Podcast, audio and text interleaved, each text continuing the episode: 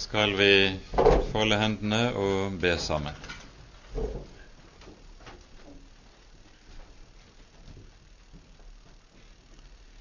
Kjære du vår Herre, du vår Gud og vår Far.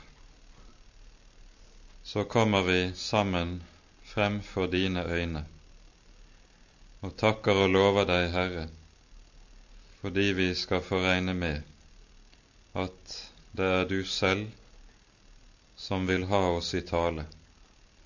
Det er du selv som har lovet å møte oss i og igjennom ordet ditt.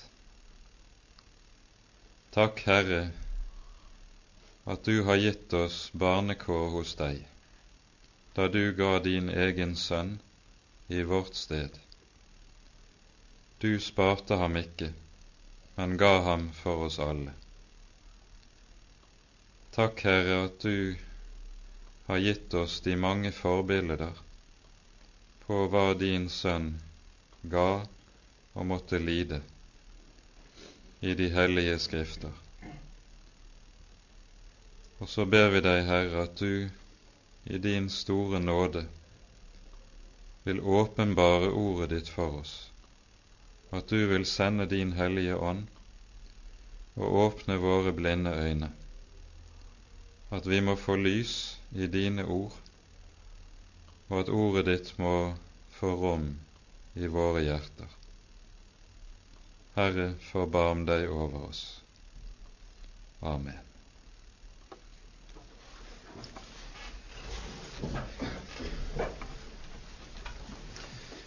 Vi skal i dag altså ta for oss det 22.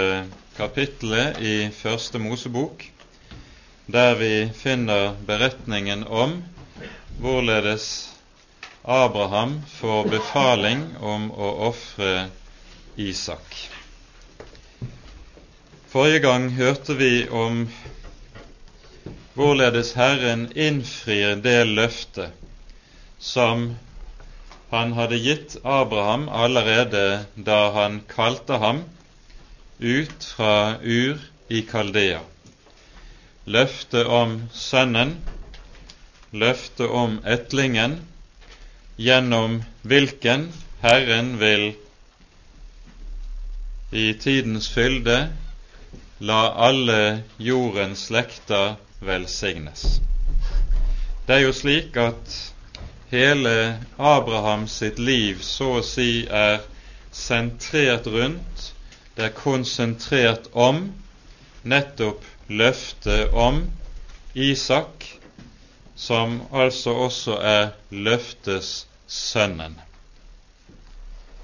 Vi stanset også opp for motsetningen mellom Ismael og Isak, og så noe på hva det vil si at Skriften lærer oss at Ismael er født etter kjødet fordi han er en frukt av rent menneskelige anstrengelser, mens Isak altså er født ifølge løftet, som en frukt av og et resultat av Guds direkte inngripen når det er menneskelig talt umulig at noe slikt kan skje. Abraham er 100, Sara 90 når Isak kommer til verden. Og det som altså Abraham har ventet på gjennom 25 lange år 25 år der han har vært på vandring, 25 år i utlendighet, det har han så endelig fått lov til å ta imot og se for sine øyne. Isak er Abrahams store glede, hans alderdoms glede. Og så får barnet også navnet på Guds uttrykkelige befaling. Det leser vi i kapittel 17 i Første Mosebok. Barnet skulle hete Isak, som betyr nettopp latter, som betyr glede. Med dette i minne er det vi så kommer til det 22. kapittelet i Første Mosebok. Og vi tar oss tid og leser dette kapitlet i sammenheng. Noen tid deretter satte Gud Abraham på prøve, og han sa til ham, Abraham, og han svarte, Ja, her er jeg. Da sa han, Ta din sønn, din eneste, ham som du har så kjær, Isak, og gå til Moria land og ofre ham der, til brennoffer på ett av fjellene som jeg skal si deg. Så sto Abraham tidlig opp om morgenen og lesset på sitt asen og tok to av sine drenger med seg og Isak sin sønn. Han kløvet ved til brennofferet og ga seg på veien til det sted Gud hadde sagt til ham. På den tredje dag, da Abraham så seg omkring, fikk han øye på stedet langt borte. Da sa Abraham til sine drenger, Bli dere her med asene, jeg og gutten, vi vil gå dit bort og be, og så komme tilbake til dere. Så tok Abraham veden til brennofferet og la den på Isak, sin sønn. Og selv tok han ilden og kniven i sin hånd. Og så gikk de begge til sammen. Da talte Isak til Abraham sin far og sa, Du far. Han svarte, Ja, min sønn. Og han sa, Se, her er ilden og veden, men hvor er lammet til brennofferet? Abraham svarte, Gud skal selv utse seg lammet til brennofferet, min sønn. Så gikk de begge sammen. Og da kom de til det sted Gud hadde sagt ham, og Abraham bygget et alter der og la veden til rette. Så bandt han Isak, sin sønn, og la ham på alteret ovenpå veden. Og Abraham rakte ut hånden og tok kniven for å ofre sin sønn. Da ropte Herrens engel til ham fra himmelen og sa, Abraham, Abraham. Og han svarte, Ja, her er jeg. Da sa han, Legg ikke hånd på gutten, og gjør ham ikke noe, for nå vet jeg at du frykter Gud, siden du ikke har spart din eneste sønn for min skyld.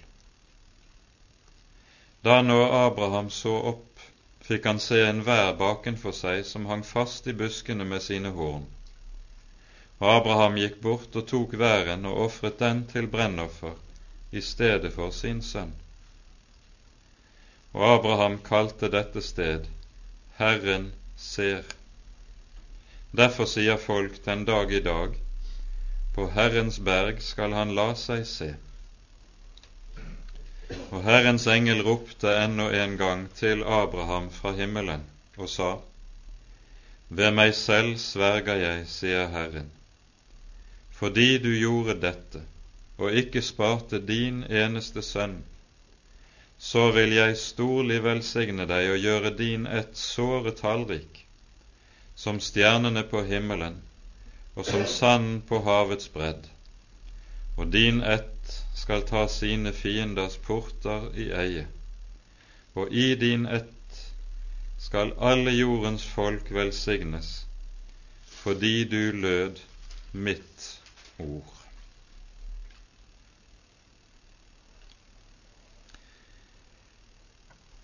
Det kapitlet vi her har lest, det har hos jødene et bestemt navn. Det kalles rett og slett akeda, som betyr binding, og han navn etter rett og slett Isaks binding, det at Abraham bandt ham. Og Det er et kapittel som har så sentral betydning i jødedommen at det ledes, leses ved inngangen til gudstjenesten hver sabbat. morgengudstjenesten på sabbaten, så leses dette. Forut for at der leses fra Jesaja-bokens 45. kapittel, det syvende vers, der det står slik Jeg, Herren, er lysets opphav og mørkets skaper. Jeg, Herren, gir lykken og skaper ulykken. Med at disse skriftordene står der som innledning til morgenbønnen, så vil det jødiske folk med det minne seg selv om både det faktum at det å høre Herren til det innebærer å høre ham til som døder og gjør levende. At det å høre Herren til, det innebærer at en kan måtte gi livet for Herrens skyld, like som Isak skulle ofre sitt liv. Det er altså innenfor jødedommen her en martyrtekst, der det jødiske folk stadig minner seg selv om at det å lide døden for Herrens skyld, det er noe en alltid skal være rede til. Det er altså en tekst som har sentral betydning på denne måten. Og Derfor står den Eh, i den jødiske gudstjenesten i sammenheng med trosbekjennelsen fra 5. Mosebok kapittel 6. Hør Herren, Herren din Gud, Israel er Unnskyld, hør Israel, Herren din Gud, Herren er én, og du skal elske Herren din Gud av alt ditt hjerte, av all din sjel og av all din kraft. Og det å elske Herren av all sin sjel, det utlegges alltid slik en skal være rede til å gi livet for troens skyld. Slik denne teksten imidlertid står her i sammenhengen i Første Mosebok, så er den noe langt mer enn en martyrtekst og den har også et langt dypere innhold enn det. Kapittelet innledes med at det sies noen tid deretter satte Gud Abraham på prøve. Hvor gammel Isak var ved dette tidspunkt, vet vi ikke. I jødisk tradisjon sier en at Isak ved dette tidspunkt var 37 år gammel. Josefus, som levde en 40 eh, år etter Kristi død, han skriver at Isak ved dette tidspunkt var 25 år gammel. I alle fall har Isak her ikke vært noe lite barn. Det ser vi av at han bærer selv veden til brennofferet. Og det har vært en relativt tung bør det handler om, så han må minst ha vært 16-17 år gammel antagelig. Det er altså ikke tale om noe lite barn som Abraham tar med seg ved denne anledning. Men så sies det altså noen tid deretter satte Gud Abraham på prøve. Det vi da skal merke oss, det er at ordet prøve eller prøvelse møter oss her for første gang i Abrahams historien. Og det er spesielt fordi hvis vi leser Abrahamsfortellingen i sammenheng, så vil det jo være i øynefallende at hele Abrahams liv og hele Abrahams vandring med Herren jo egentlig var en eneste sammenhengende prøvelse. Allerede når Herren kaller Abraham, så ligger det en stor og vanskelig prøve i det. dra bort fra ditt land, fra ditt folk, fra din fars hus. Han må altså legge bak seg alt det som gir livet trygghet, det som står han aller nærmest, det som betyr aller mest, nemlig hans aller nærmeste familie. Det må han oppgi, det må han forlate. I det ligger det en prøve. Men til denne prøve knytter jo Herren også et ganske bestemt løfte. Jeg vil velsigne deg, og du skal bli en velsignelse, og i deg skal alle jordens slekter velsignes. Han får de største løfter knyttet til denne prøve. Men i den prøvelse som Abraham nå stilles overfor, så gjør Gud ikke prøven lettere gjennom å gi ham noe løfte i tilknytning til det. Han får ikke noe løfte, kun en befaling en befaling som må fortone seg fullstendig meningsløs og ubegripelig. Det øvrige av Abrahams vandring i de 25 år han har ferdes i Kanans land, har også vært en lang, lang prøve. Han har måttet vandre i tro uten å se. Herren hadde jo gitt ham løfte om sønnen han skulle få, men årene gikk, og han så ikke det aller minste tegn til at Herren skulle innfri det han hadde lovet. Og jo lengre tiden gikk, jo vanskeligere, jo mer umulig ble det jo at løftet også kunne oppfylles. Det er slik å vandre år etter år uten å se det minste tegn til at Herren ville oppfylle det han hadde lovet.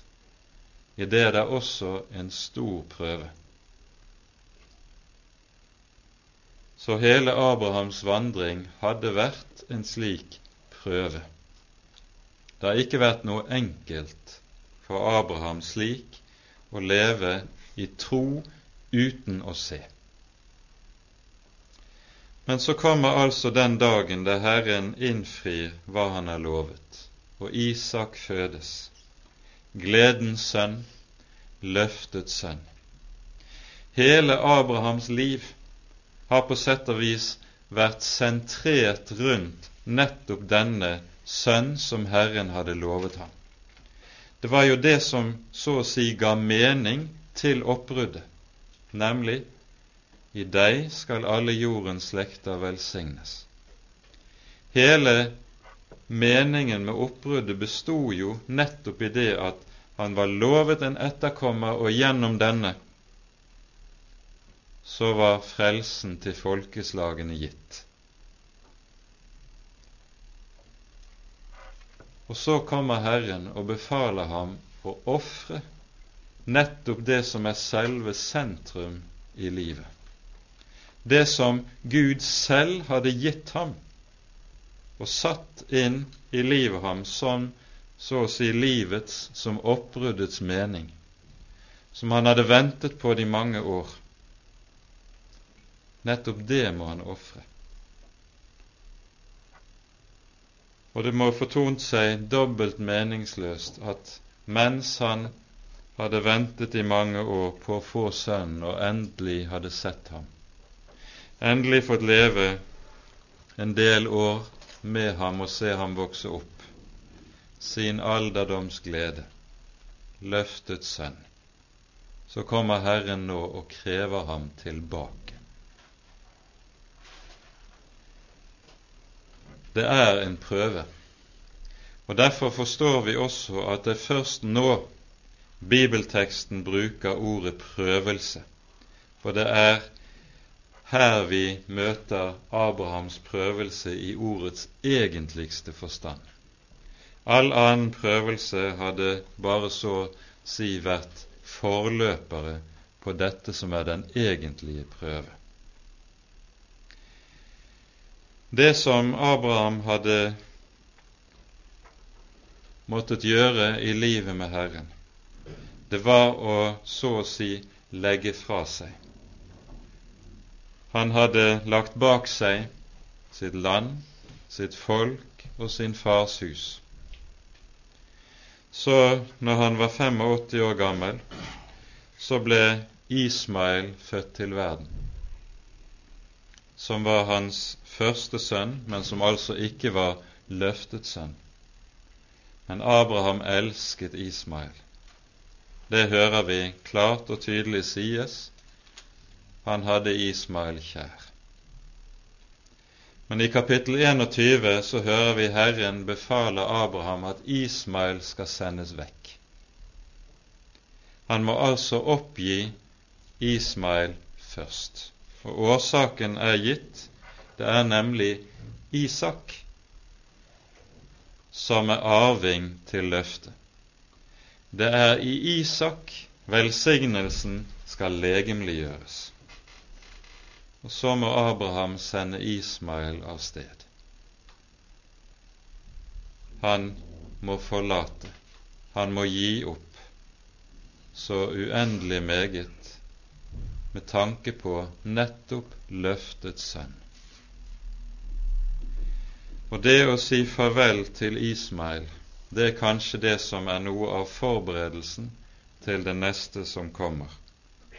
Og så sier Herren, ta din sønn, din eneste. For nå har han bare én sønn tilbake. Og det som gjør det så uendelig tungt, det er at Herren selv jo har sagt til ham sånn som vi leser i vers 12 i det 21. kapittelet. Når Ismael skal sendes av gårde, så sier Herren, la det ikke gjøre deg ondt for guttens skyld og for trellkvinnens skyld. Lyd Sara i det hun sier til deg. For i Isak skal det nevnes deg en ett. Herren har, og det har vi jo lest tidligere, han har kommet og sagt uttrykkelig at den sønn som Sara får, det er han Herren knytter alle sine frelsesløfter sammen med. Og her sies det ende frem og like ut i Isak. I Isak skal det nevnes deg en ett. Og så ser det ut som, med det Herren nå sier og byr Abraham, at han trekker tilbake alt han har lovet ham. Og så må Abraham da stille seg selv spørsmålet har da alt vært forgjeves? Har jeg forlatt alt for intet? Har jeg sagt farvel selv til mitt livs sønn Ismael, også for intet?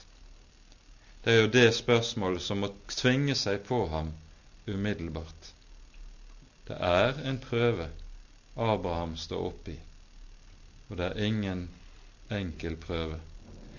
For her handler det jo ikke bare om det at Abraham skal berøves sitt barn, som er tungt nok for alle foreldre.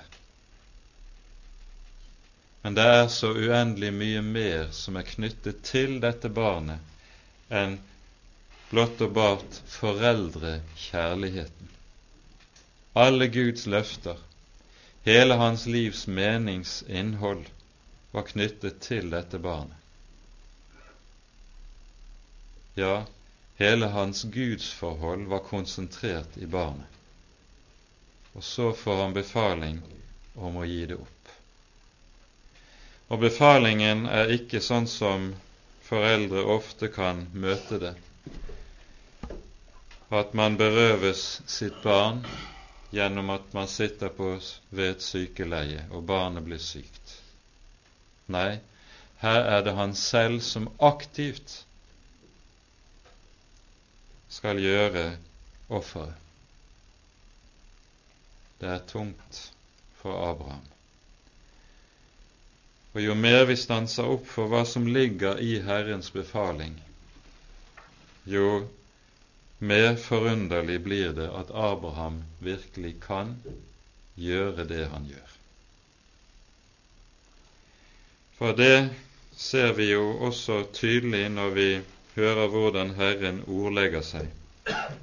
Ta din sønn, din eneste, ham du har så kjær, Isak, og gå til Morialand og ofre ham der til brennoffer på et av fjellene jeg skal si deg. Gud kommer her ikke med noe som kan gjøre det enklere for Abraham. Ingen forklaring. Han knytter heller ikke noe løfte til. Det står der som en naken befaling som Abraham har å forholde seg til. Og så blir det desto mer forunderlig det vi så leser i neste vers. Så sto Abraham tidlig opp om morgenen og lesset på sitt asen og tok to av sine drenger med seg. Abraham har nok hatt en kamp denne natten. Herrens ord kom til ham slik. Men det ser ut til at han meget fort har overvunnet enhver anfektelse, enhver tvil. Han visste og han skjønte dette er Herrens befaling. Og så kan han ikke annet gjøre enn å gå den vei Herren har pekt ut for ham. Han står tidlig opp. Han lesser selv på eselet. Han innvier med andre ord ingen annen i sitt forsett. For dette hører jo også med til det som gjør prøven svær for Abraham. Dette er noe han med nødvendighet må være helt alene om. Her kan han ikke innvie noen, aller minst guttens mor, i det som han har fått lagt på seg. Og det å være alene i slike ting, det er sannelig ikke enkelt. Han leser selv på eselet, og så gir de seg på vandring. Veden kløves, elen tas med, og drengene går med. Og det er tre dagsreiser til stedet. Fra Bersheva til Morias land. Det er altså tre dagsreiser når du går til fots. Moria, det er det området der tempelet ble reist. Det sies i første krønikabok, kapittel 3, der Moria berg nettopp er tempelberget, og der klippen som der det aller helligste sto, etter tradisjonen er nettopp klippen der Abraham reiste alteret for å ofre Isak. Tre dager er Abraham på vandring. Tre dager, det er ingen nølen, og i tre dager er Isak likesom død for Abraham. Den vandringen som har foregått disse dagene, den har antagelig vært en vandring uten mye samtale. De som var med, de fornemmet nok at her var det noe som foresto av en slik art og av slike dimensjoner at de ikke kunne innvies i det. Tredje dagen runder de en åskam, og så ser de stedet langt borte. Og Abraham gir drengene beskjed Vent her til vi kommer tilbake. Og så tar han Isak med seg, legger veden på Isaks skuldre, og så går de to sammen. Og nå er det vi begynner å se det som denne fortellingen også peker frem imot forbildet. For Isak som bærer veden, han som skal ofres, det var allerede i den første kristne kunsten som man ser i katakombene bl.a. i Roma, forbildet på Herren Jesus som bærer korset. På vei til rettestedet bærer han treet som han selv skal henrettes på. Og så er malerier nettopp av Isak som bærer veden, for en slikt forbilde. Noe av det samme kommer til oss igjen gjennom ordene som så kommer fra Isaks munn. Da talte Isak til Abraham, sin far, og sa, Du far. Han svarte, Ja, min sønn. Her er ilden, her er veden, men hvor er lammet til brennofferet?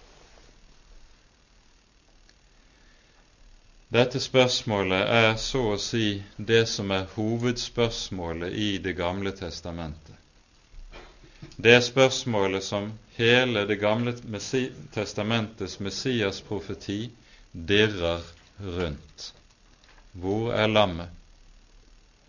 Og vi hører profetene med deres budskap når de peker fremover mot Han som skal komme, Han som skal gi sitt liv.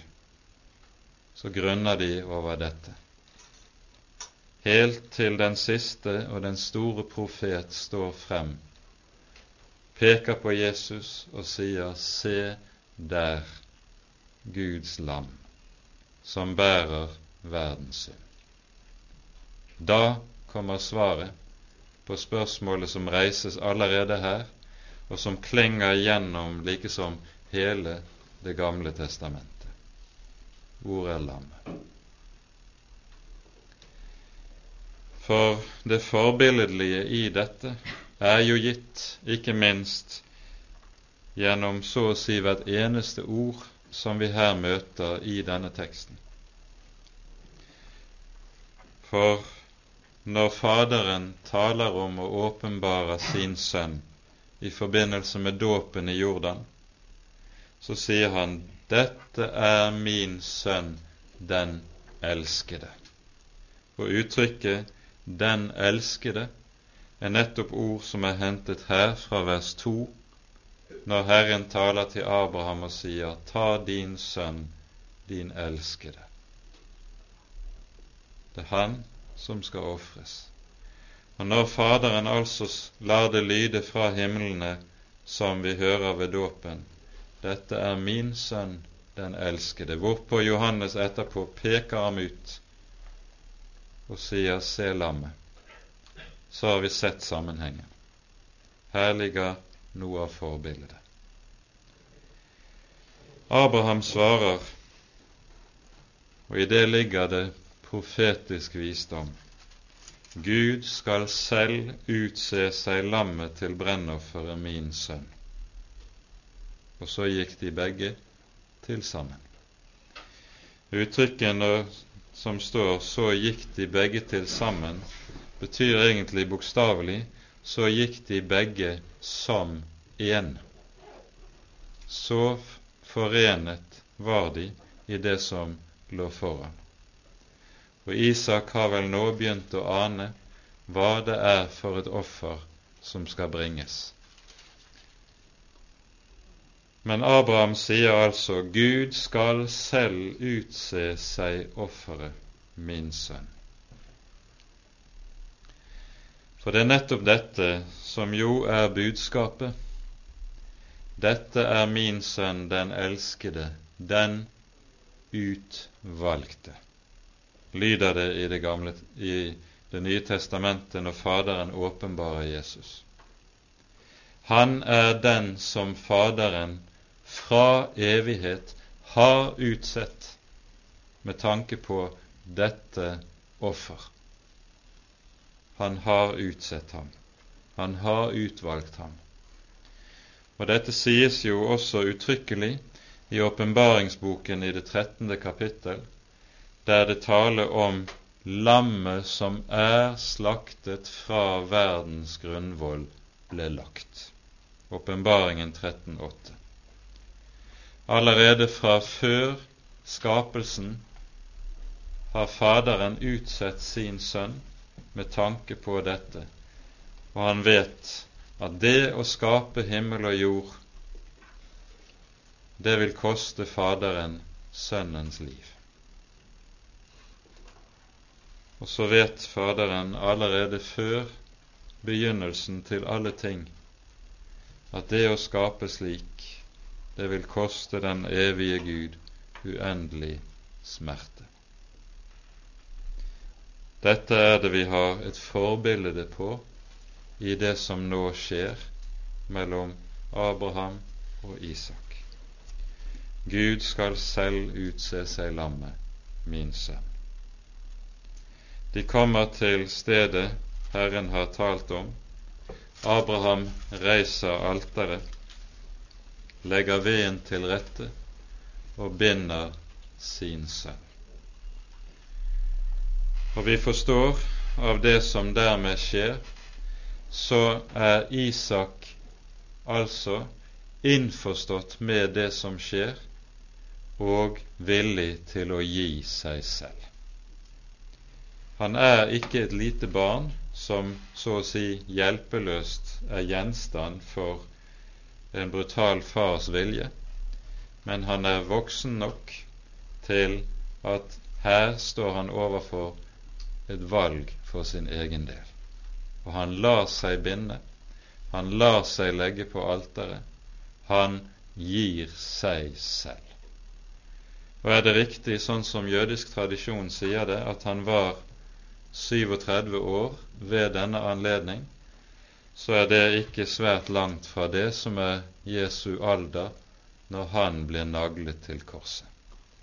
Sannsynligvis var Jesus født nemlig mellom år fem og år syv før vår tidsregning. Så har vi også i det forbildet, hvis det er riktig. Og så er det altså at Abraham rekker ut hånden, tar kniven for å ofre sin sønn. Da er det altså han stanses. Han har løpt linen ut, han har bestått den prøve han settes på. Og så må vi stille oss spørsmålet hva er det som ligger i den prøve Abraham her stilles på?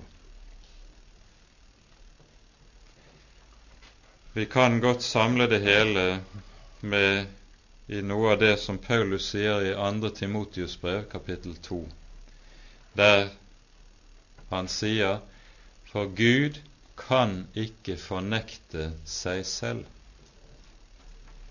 Det er det som Abrahams kamp dypest sett dreier seg om, og den anfektelse som han må ha stått oppe i i disse dagene. Han visste nemlig meget tydelig og klart hva som var Guds ord og Guds løfte når det gjaldt Isak. Og så reiser da spørsmålet kan Gud fornekte seg selv? Eller står disse Herrens tydelige og klare ord fast, selv om det nå ser ut som at han tar alt tilbake? Kan han fornekte seg selv. Og det Abraham gjør i denne prøve og i denne anfektelse, det er at han tviholder på nettopp det at han som er Gud, ikke kan fornekte seg selv, om det enn ser ut som det motsatte. Så tviholder han på Herrens eget ord og Herrens eget løfte. Og det er ved det, ved det, han seirer i den prøve som han her står overfor.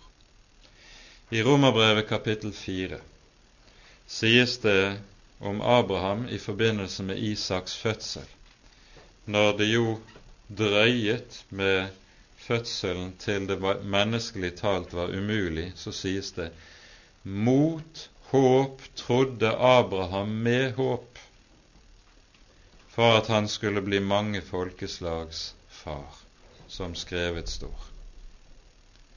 Og Gjelder det i forbindelse med Isaks fødsel, så gjelder det enda mer her. Mot håp trodde han med håp. Uttrykket som står i grunnteksten, betyr bokstavelig hinsides alt håp tror han dog med håp. Han tviholder på nemlig Herrens ord og Herrens løfte, selv om det ser ut som at Herrens løfte nå holder på å bli til intet. Herren ga, Herren tok, sier Jobb ved han, når han blir fratatt alt han eier. Og det Abraham skal fratas, det er nettopp Guds gave. Han fratas Guds velsignelse. Men fratas han løftet, er Herren med det en som viser seg troløs. Vi forstår av det som skjer her i Abrahams kamp, det er at han ganske sikkert har fått høre den røsten som stadig kommer til oss og hvisker Har Gud virkelig sagt? Har Gud virkelig sagt du skal overgi Isak og ofre ham, eller er det en annen? Men han visste, for han var av erfaring så var han velkjent med Herrens røst. Han visste dette er Gud. Det er ikke en djevel som har kommet til meg og bedt meg om dette. Det er Gud. Og derfor står det fast. Og så står han der i den kamp der det så å si er Gud mot Gud i Abrahams liv. Og det er den tunge kamp. Det er det som gjør hele dette til en uløselig floke, og der Abraham bare kan gjøre én eneste ting å holde seg til det Herren har sagt for skal han begynne å stole på sin forstand, så vil alt gå galt. Men kampen bestod i dette ene og grunnleggende. Kan Gud fornekte seg selv? Eller er Han den Gud som er den trofaste Gud? Er Han den Gud som Han tross alt gjennom 25 år, gjennom hvis Isak var så gammel som vi tenker, gjennom mer enn 60 år hadde vist seg alltid trofast, alltid til å stole på, alltid sandru, alltid pålitelig. Er han den samme om det nå ser ut som det forholder seg stikk motsatt? Det er Abrahams kamp. Det er det han det mørket han står inne i, og som prøvelsen har som sin egentlige kjerne. I slike prøvelser så er det bare én ting et menneske kan gjøre, og det er nøyaktig det Abraham gjør å holde seg til Herrens ord holde seg til det ord, selv om en ingenting forstår og ingenting skjønner. Selv om en blir stående med tomme hender og berøves alt, så er det bare ett å gjøre. Og Abraham kan ikke gjøre noe annet enn å holde seg til det Herren har lovet. Og hvis Herren har lovet at i Isak skal det nevnes deg en ett. I Isak skal alle folkeslag velsignes. Så har Herren også en vei ut av og igjennom dette som ikke forstås. Og derfor sies det også i Hebreabrevet kapittel 11 slik om denne prøve som Abraham er inne i. Vi leser Hebreerne 11 fra vers 17 av.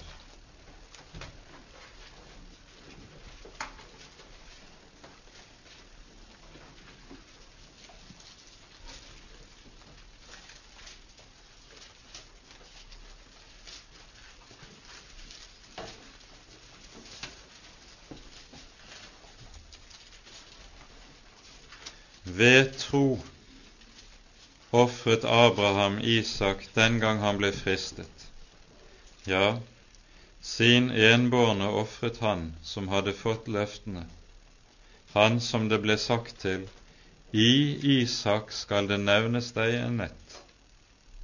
For han tenkte at Gud er mektig endog til å oppvekke fra de døde, og derfra fikk han ham også likesom tilbake.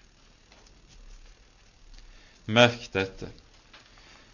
For de tre dagene Abraham var på vandring, så var Isak så å si som død for ham.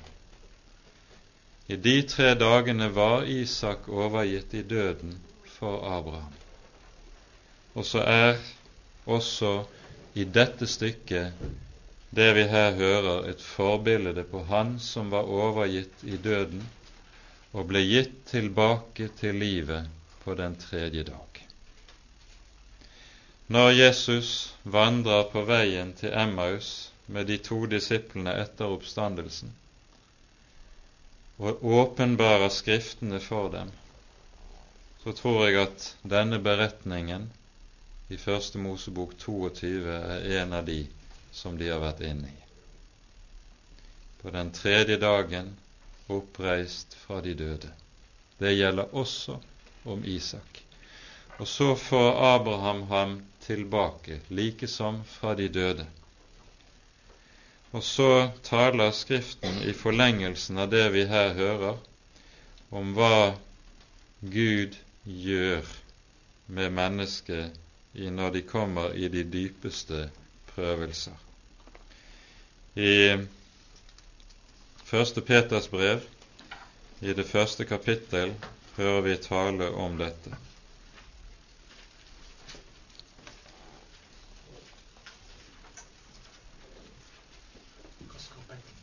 Første Peter kapittel 1, vers 6 og 7. Derover fryder dere dere, om dere ennå, når så skal være, har sorg en liten stund ved alle slags fristelser, for at deres prøvede tro, som er meget kosteligere enn det forgjengelige gull, som dog prøves ved ild, må finnes til lov og pris og ære i Jesu Kristi åpenbarelse. Den prøvede tro. Det er det vi her møter i beretningen om Abraham og Isaks offer. For hva er det Herren gjør med et menneske når det slik kommer i dype, dype prøvelser? Det virker alltid på det vis at det tjener til lutring, til renselse av troen. For slik er det med oss alle. Om vi enn hører Herren til ved troen, så er troen alltid blandet opp med så mye av kjødelige, rent menneskelige ting. Og Derfor vil det også være slik at Gud sender prøvelser for troen, med tanke på at det nettopp skal renses ut smeltes ut, brennes ut, det som ikke er av ham, og som ikke er ved Hans ord, men som er av kjødet. Prøvelsene virker slik. Om dette taler Bibelen om i mange sammenhenger, og vi skal se på et par tekster til dette. Først 5. Mosebok, kapittel åtte.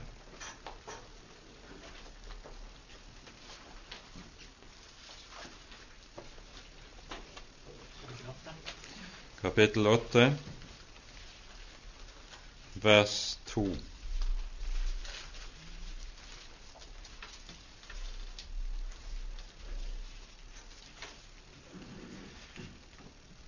Du skal komme i hu hele den vei Herren din Gud har ført deg på i disse 40 år i ørkenen, for å ydmyke deg, for å prøve deg, og for å kjenne hva som var i ditt hjerte, om du ville ta vare på Hans bud eller ikke. Det som nemlig skjer når mennesker kommer i de dype og de mørke prøvelser. Så kjennes det, så kommer det for dagen hva som bor i vårt innerste, i våre hjerter. For å prøve deg, for å kjenne deg, hva som var i ditt hjerte. Og hva er det Herren først og fremst søker og prøver ut når han prøver hjertet slik? Om du ville ta vare på Herrens ord eller ikke. Det er det som er prøvelsens hensikt. Den avslører nemlig dette ene forholdet til Herrens ord. Det var det som gjorde at Abraham kunne bestå i denne prøve.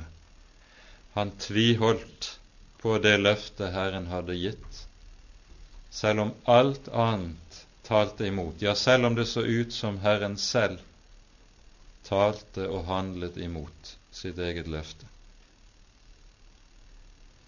Han ville kjenne hva som var i ditt hjerte, om du ville ta vare på Herrens ord eller ikke.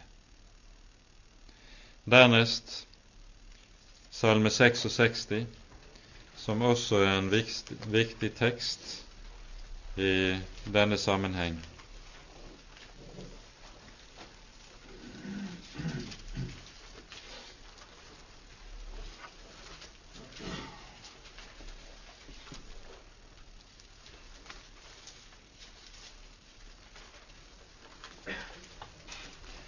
Her leser vi slik, vers 10-12, det er en salme der Herren lovsynges for sine velsignelser, sine velgjerninger, i forbindelse med utgangen av Egypt. Og så står det Du prøvet oss, Gud. Du renset oss like som de renser sølv. Du førte oss inn i et garn, du la en trykkende byrde på våre lender. Du lot mennesker fare over vårt hode, vi kom i ild og i vann, men du førte oss ut til vederkvegelse. Du renset oss like som de renser sølv. Sølv renses i ovnen. Der smeltes, der brukes ild for å brenne ut slaggene. Og nettopp dette er Guds arbeid når Han fører mennesket inn i tunge prøvelser. Da smeltes det ut slagg ifra livet, ifra troen, ifra kristenlivet. Og så er det at Herren ved det sikter mot det som er det grunnleggende, nemlig at all prøvelse har som mål å stadfeste troen. Stadfeste Guds ord og løfte. Og det er nettopp det som også er utgangen på dette for Abraham sin del. Herren stadfester hva han har lovet. Og det er en stadfestelse som har den aller største betydning i Bibelen. For etter at Herren har holdt Abrahams hånd tilbake, så hører vi fra vers 15. Herrens engel ropte enda en gang til Abraham fra himmelen og sa:" Ved meg selv sverger jeg, sier Herren, fordi du gjorde dette, osv., så, så vil jeg storlig velsigne deg. Her hører vi ikke Herren love Abraham noe nytt i tillegg til det som han tidligere har vært lovet.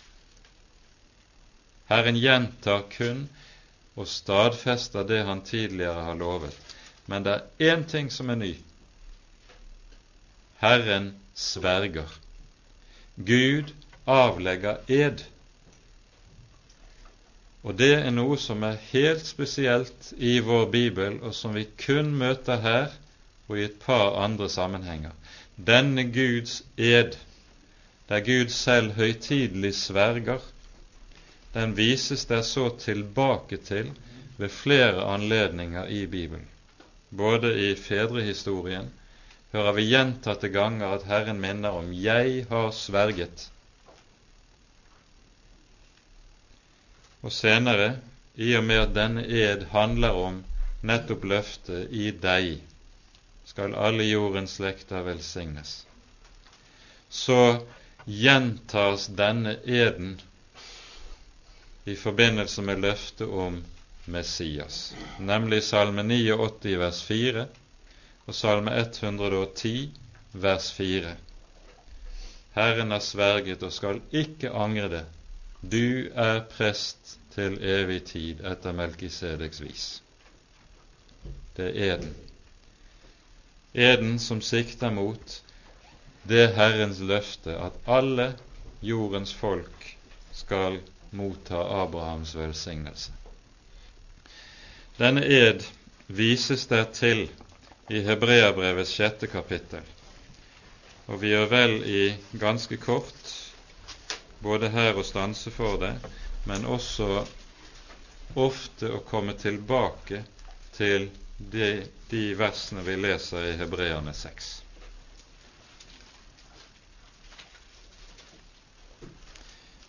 Vi hører fra vers 13 her i Hebreane 6 at det vises nettopp til eden.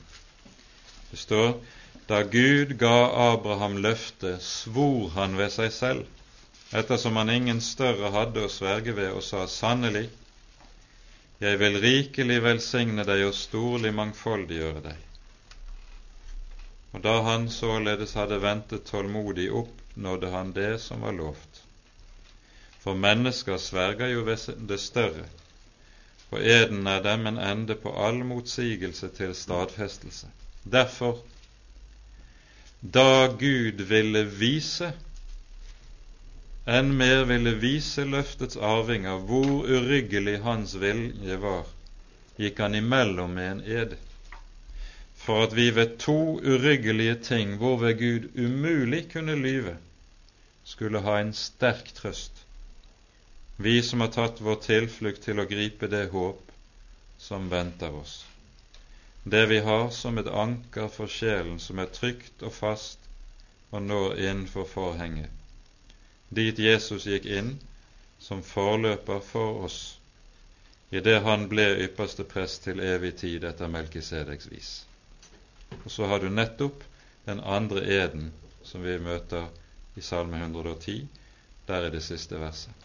Men her skal vi merke oss særlig det som står i vers 17. Det står Gud ville vise løftets arvinger hvor fast løftet sto. Det er altså slik at det ligger Gud på hjertet at vi nettopp skal få lov til å eie det som kalles frelses visshet. Han vil vise, han vil demonstrere hvor fast hans ord og løfte er. Han nøyer seg ikke bare med å avgi et løfte, men for riktig å understreke hvor fast dette løftet står, så inngår han pakt med Abraham.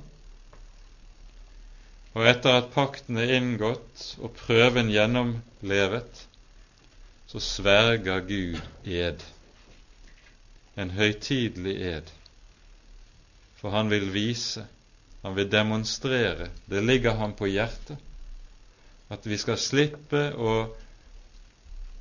vakle i uvisshet om hva som er hans vilje, og hva som ligger ham på hjertet. Tvert om, vi skal få ha full visshet. For hvis Gud er den som er sandru og sannferdig, så det, skulle det være tilstrekkelig at han bare hadde gjort én ting, nemlig å love. Og så kunne vi vite løftet står der, fordi han er sannferdig. Men han har altså lagt til at han også i tillegg sverger og avlegger ed. Og så skal vi vite at vi har et urokkelig håp. Det er noe som ikke kan svikte og ikke kan gjøres til intet. Selv om det så ut som at Herrens løfte skulle bli til intet da ordet om å ofre Isak kom. Og så skjer altså det motsatte. Han får så å si løftet tilbake, oppstått fra de døde. På samme vis er det Herren gjennom å avlegge ed, så å si la sitt løfte stadfestes og oppstå fra de døde for at vi skal ha et urokkelig håp. Slik taler Bibelen om det som vi kaller for frelsesvisshet. Det ligger Gud på hjertet at vi ikke skal være tvilrådige om frelsen. Det ligger Gud på hjertet at vi ikke skal behøve å vakle og være usikre i det som er det mest avgjørende. Når døden står for, døden, for døren, så sier han 'Jeg har sverget'. Det står fast. Og så kan du, når døden er der, vite med uryggelig visshet at det han har sagt, står der for den levende Gud har selv sverget. Det gir et menneske ankerfeste i møte med døden. Det gir et menneske ankerfeste selv i møte med de dypeste og mørkeste prøvelser i livet. Og det er det som ligger Gud på hjertet. Han ville vise løftets arvinger hvor urokkelig hans vilje var og hans løfte var. Og så er det i tilknytning til dette vi leser et ord som det vi finner i Jesaja-bokens 50. kapittel, der det står sånn i det tiende verset.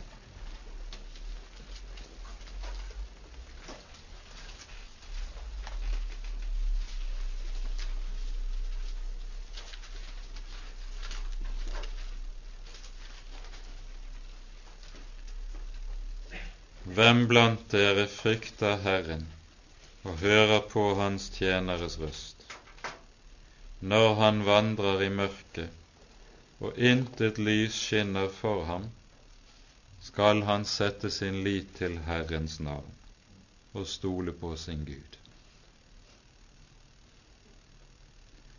Det er ikke tilfeldig at dette ordet står nettopp knyttet til det som følger umiddelbart på i det 51. kapittel.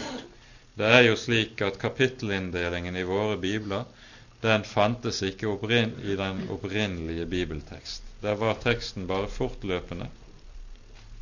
Og så står altså det vi her leser, i sammenheng med det som sies i kapittel 51.